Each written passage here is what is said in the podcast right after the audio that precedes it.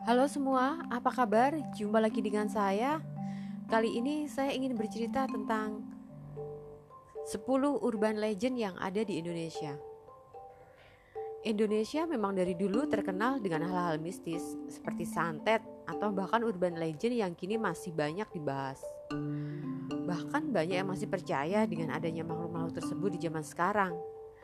Oleh karenanya jangan heran apabila masih banyak masyarakat yang masih meyakini adanya mitos-mitos tersebut. Uh, Oke, okay. kita bahas satu persatu ya. Yang pertama adalah nenek gayung. Urban legend pertama yang sering disebut-sebut oleh masyarakat adalah nenek gayung. Yap, makhluk ini sebenarnya merupakan hasil perbincangan dari warga di mana sebagian masyarakat mengatakan bahwa nenek gayung tiba-tiba muncul di pinggir jalan Penampilannya sederhana, layaknya nenek-nenek biasa. Tapi bedanya, ia membawa gayung dari batok kelapa dan sebuah tikar guna memandikan jenazah. Untuk postur tubuhnya tidak terlalu tinggi. Lalu ia juga menggunakan kebaya hitam atau putih. Rambutnya pun berwarna hitam dan sebagian berwarna putih dengan kulit pucat dan matanya yang sipit. Cerita selanjutnya adalah hantu tanpa kepala di pemakaman jeruk purut. Kalian pasti sudah tidak asing lagi dengan namanya hantu tanpa kepala. Makhluk satu ini dipercaya selalu berkeliaran di taman pemakaman umum jeruk purut. Konon ia berada di sana untuk mencari kebenarannya, keberadaannya, kuburan uh, ia sendiri. Menurut kepercayaan, ia adalah seorang pastor yang terbunuh secara tragis pada zaman penjajahan Belanda. Dirinya pun uh, berjalan-jalan di sekitar makam dengan menenteng kepalanya. Selain itu, hantu tanpa kepala ini juga diikuti oleh seekor anjing berwarna hitam dan bermata merah. Kisah selanjutnya adalah Mr. Gepeng. Ada lagi nih yang gak kalah hits, yaitu Mr. Gepeng. Makhluk satu ini diyakini selalu muncul di toilet gedung-gedung pencakar langit atau sekolah. Sosok ini punya wajah bule dengan kondisi mukanya yang sangat hancur dan gepeng. Menurut kisah yang beredar, Mr. Gepeng merupakan seorang pria yang tewas mengenaskan di salah satu gedung pencakar langit di Jakarta. Meninggalnya ia dikarenakan terjepit di pintu lift. Beberapa mitos mengisahkan bahwa makhluk ini dapat dipanggil dengan sebuah ritual, yaitu dengan maju dan mundur sebanyak tiga kali dalam toilet, kemudian ketuk pintu toilet tiga kali. Kisah selanjutnya adalah kakek cangkul. Ada juga kakek cangkul yang juga sempat menjadi bahan perbincangan beberapa waktu lalu. Kakek cangkul ini mempunyai penampilan layaknya pria tua biasa dengan membawa cangkul berkarat ke mana-mana. Ia berkeliaran seperti itu karena jenazahnya tidak dikuburkan secara layak. Konon katanya kakek cangkul merupakan suami dari nenek gayung yang sudah dijelaskan pada uh, poin pertama tadi. Bahkan saking hitsnya kakek cangkul ini pernah dijadikan film loh pada tahun 2012 silam. Kisah selanjutnya adalah kuntilanak merah di terowongan Casablanca. Selanjutnya ada kuntilanak merah yang, berkeliaran di terowongan Casablanca, Jakarta. Entah apa yang membuat sosok ini muncul lantaran tidak ada cerita jelas mengenai hal tersebut. Namun, ada sebuah aturan yang wajib dijalankan oleh orang-orang yang lewat di terowongan tersebut, yaitu membunyikan klakson sebanyak tiga kali sebagai pertanda kalau ada yang ingin lewat. Apabila tidak dilakukan, masyarakat percaya akan ada peristiwa yang menyeramkan terjadi, seperti kecelakaan parah yang kerap terjadi di sana.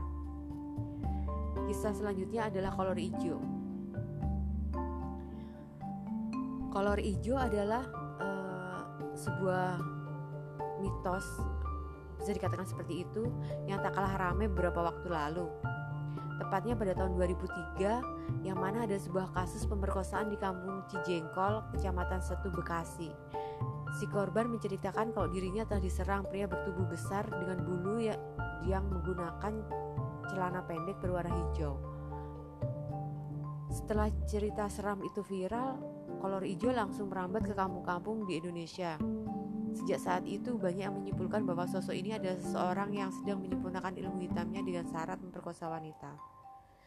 Kisah selanjutnya adalah Nyi Roro Kidul. Ada Nyi Roro Kidul yang masih dibicarakan sampai saat ini. Nyi Roro Kidul sebenarnya merupakan tokoh mitologis penguasa pantai selatan.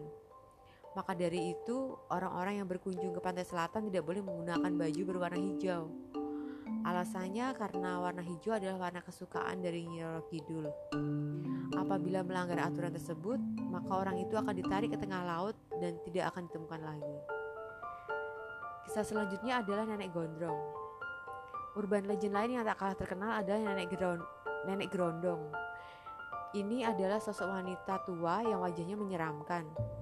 Menurut cerita, Nenek Gerondong ini selalu membawa nasi pada orang sekitarnya. Namun tak banyak yang ingin uh, orang yang ingin memberinya lantaran sosoknya yang menyeramkan.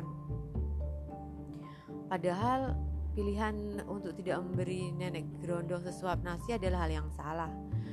Pasalnya, sosok tersebut bisa berubah menjadi kasar dan tidak segan membunuh siapa pun saja yang pelit kepadanya. Namun hal itu tidak akan, terjadi kepada orang-orang yang tidak pelit kepada sang nenek. Ia akan mendapatkan keberuntungan dari nenek gerondong karena kebaikannya. Kisah mitologis yang selanjutnya adalah Wewe Gombel. Ada juga Wewe Gombel yang sampai saat ini masih ditakuti oleh masyarakat. Menurut kepercayaan, sosok ini adalah wanita berambut panjang dengan payudara yang besar yang menggantung. Sosok tersebut sering kali menculik anak-anak yang kurang kasih sayang dari orang tuanya atau sedang tidak dalam pengawasan ayah dan bundanya. Untuk mencari anak-anak yang sedang diculik oleh Wewe Gombel ini butuh perjuangan ekstra. Beberapa orang harus menyembunyikan beberapa barang agar terdengar makhluk ini. Apabila sudah ditemukan, sang anak harus mandi menggunakan air seni agar tidak tercium oleh bebek gombel.